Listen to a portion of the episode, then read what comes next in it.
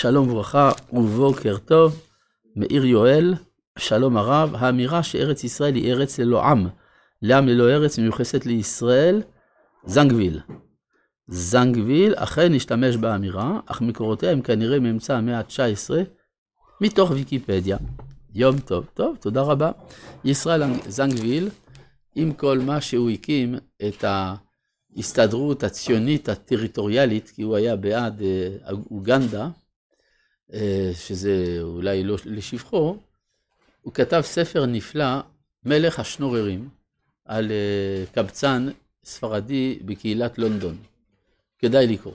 טוב, אה, אחרי ההערה הספרותית הזאת, אנחנו ממשיכים בפרק י"ד לספר במדבר, בפסוק ל"ט, וידבר משה את הדברים האלה אל כל בני ישראל, ויתאבלו העם מאוד. בעצם מה הם הדברים? שהם יישארו במדבר, שזה לכאורה מה שהם רצו, זאת הייתה העבירה. הקדוש ברוך הוא אמר להיכנס לארץ, אמרו אנחנו לא נכנסים. עכשיו, אומר להם הקדוש ברוך הוא, אתם לא נכנסים? אומרים, אוי חבל.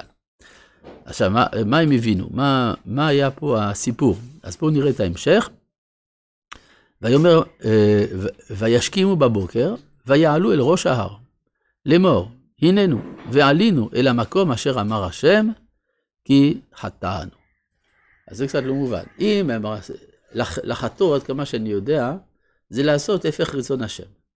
אם רצון השם באותה שעה זה שהם לא יעלו, אז למה הם אומרים, בגלל שחטאנו, אנחנו עולים? זה בדיוק עוד פעם לעשות חטא. נכון? יש פה בעיה. מלבד זה, גם התגובה של משה מוזרה. ויאמר משה, למה זה אתם עוברים את פי השם? והיא לא תצלח. מזה אני מבין שאם זה היה מצליח, אז משה לא היה מתנגד שיעברו את פי השם. הדבר הזה תמוה, כן? אלא, אומר רבי צדוק מלובלין, שכאשר הם שמעו שמשה אמר להם לא לעלות, הם חשבו שזה ניסיון. מנסים אה, לבחון את האמונה שלהם. ולכן הם אמרו, זה בבחינת כל שיאמר לך בעל הבית עשה, חוץ מצא. והרי בעל הבית זה הקדוש ברוך הוא, בעל הבית על ארץ ישראל. אין בעל הבית יכול להוציא כליו משם, ולכן הם אמרו, גם פה זה בעל הבית אומר צא, ואז חוץ מצא לא שומעים לו. ולכן הם סברו שיש לזה ערך. עכשיו, מה אומר להם משה? אם זה יצליח, מילא, אפשר להבין שיש מה שנקרא בעקבות משיחה חוצפה יזגה, שילכו נגד ההוראה האלוהית המפורשת, וזה יצליח. וזה בהתחלתא דגאולה, ואומר רבי צדוק מלובלין, והיא לא תצלח אז, אבל היא מצליחה היום, שהוא זמן התחלתא דגאולה. והדבר הזה, דברי רבי צדוק הכהן האלה, הובאו על ידי הרב צבי יהודה קוק, כאשר אה, באו אליו אנשי גוש אמונים, ואמרו, אנחנו חייבים להתיישב בסבסטיה, גם אם הממשלה מתנגדת, כי זה פיקוח נפש של האומה. אם אנחנו לא נבנה שם יישובים, אז הש, הש, השטחים האלה יימסרו לאויבי ישראל. אז לכן אנחנו חייבים לעשות את זה. הרב ציודה אמר, אני לא, לא מתלהב מזה, והוא הלך והזמין את מנחם בגין. אמר לו, מנחם, מה אתה אומר על מה שהם עושים? אמר מנחם, לא, שלא יעשו את זה, משום שזה יכול להביא מלחמת אחים, ואני מנעתי מלחמת אחים ב-48, אז גם עכשיו. החבר'ה המשיכו ללחוץ, ואז הוא אמר, טוב, תביאו את הרב גורן. הביאו את הרב גורן. הרב גורן אמר לרב ציודה, לא, אני חושב שזה לא טוב, זה פוגע באחדות האומה, לא כדאי לעשות את זה. אחר כך היה עוד מישהו שלישי, אני לא זוכר מי זה היה, בסוף באו התלמידים אל הרב צבי יהודה ואמרו לו, המשאיות כבר יצאו לדרך. ואז הוא בירך אותם וקרא להם את דברי רבי צדוק מלובלין האלה. ש... והיא לא תצלח אז, אבל עכשיו היא תצלח. חוצפה דעקבתא דמשיחא. אז לכן זה גם מזהיר מדוע משה אומר, עכשיו לא, אבל פעם אחרת, כן. אה, אל תעלו, כי אין השם בקרבכם ולא תנגפו לפני אויביכם. אז מזה אנחנו לומדים דבר מאוד משמעותי, והוא שישנם זמנים בהיסטוריה שלא, שאסור לנסות להיגאל. זה לא הזמן. כלומר, זה שהקדוש ברוך הוא משאיר אותך בגלות, יש שיקול בדבר. וזה מה שנקרא במסכת כתובות שלושת השבועות, שהקדוש ברוך הוא השביע את ישראל שלא למרוד באומות העולם. עד מתי? עד שאפשר למרוד. אבל יש שלב מסוים בהיסטוריה שאל תתפלא אם אתה לא מצליח, הרי לכאורה אתה אומר לעצמך, רגע, אני עושה את רצון השם, אני רוצה גאולה לעם ישראל, רוצה להביא את השכינה בחזרה לציון, למה זה לא הולך? אומר לך, התלמוד, זה לא הולך, כי זה עוד לא הזמן. כן? אז גם פה אומר משה, זה עוד לא הזמן, לכן אל תעלו, אין השם בקרבכם, ולא תנגפו לפני אויביכם, כי העמלקי והכנעני שם לפניכם. ונפלתם בחרב, כי על כן שבתם אחרי השם, ולא יהיה השם עמכם.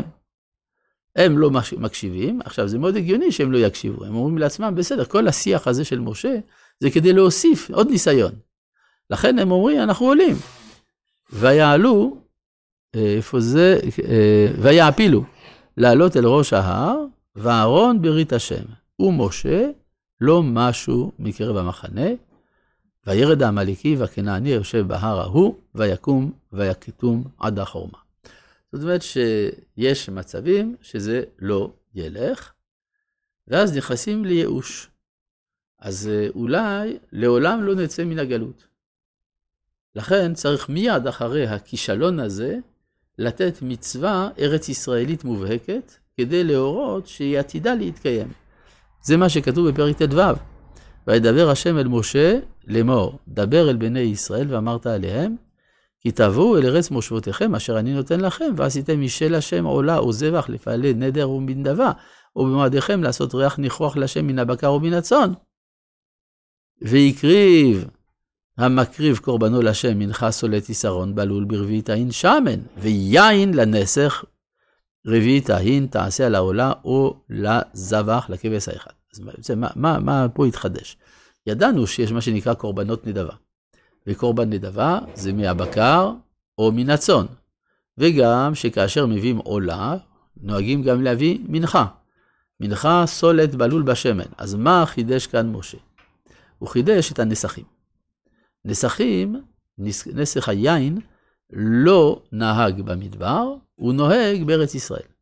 לכן אומר משה, אל תדאגו, נכון, עכשיו אתם לא נכנסים, אבל מכיוון שיש מצוות נסך, אתם עוד תצטרכו להיכנס, להביא את הנסך. זה סוג של נחמה.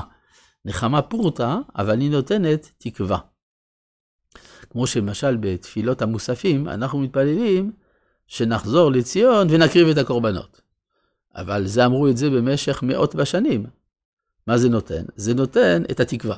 כלומר, אני במצב שלי עכשיו, זה לא המצב הנורמלי, יבוא מצב אחר שבו אני אקריב קורבנות, אז גם פה יש הקרבת הנסכים. או לעיל, תעשה מנחה, סולת שני עשרונים בלולה בשמן של שיטאין, ויין לנסך.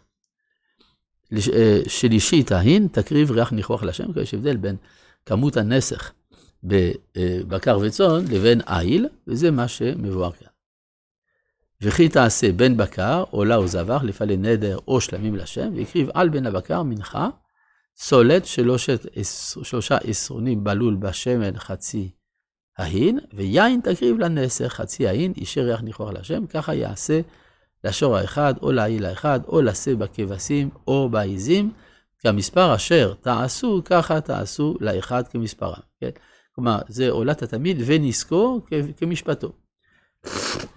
כל האזרח יעשה ככה את אלה, להקריב אישי ריח ניחוח לשם.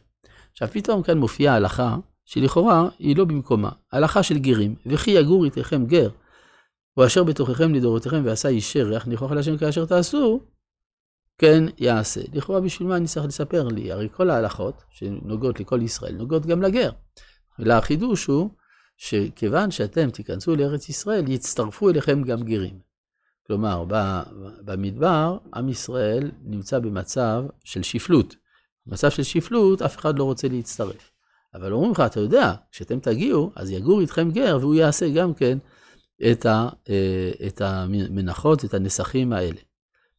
הקהל, חוקה אחת לכם ולגר הגר, חוקת עולם דעותיכם, ככם, כי הגר יהיה לפני השם, תורה אחת ומשפט אחד יהיה לכם, ולגר הגר איתכם. רבי חנניה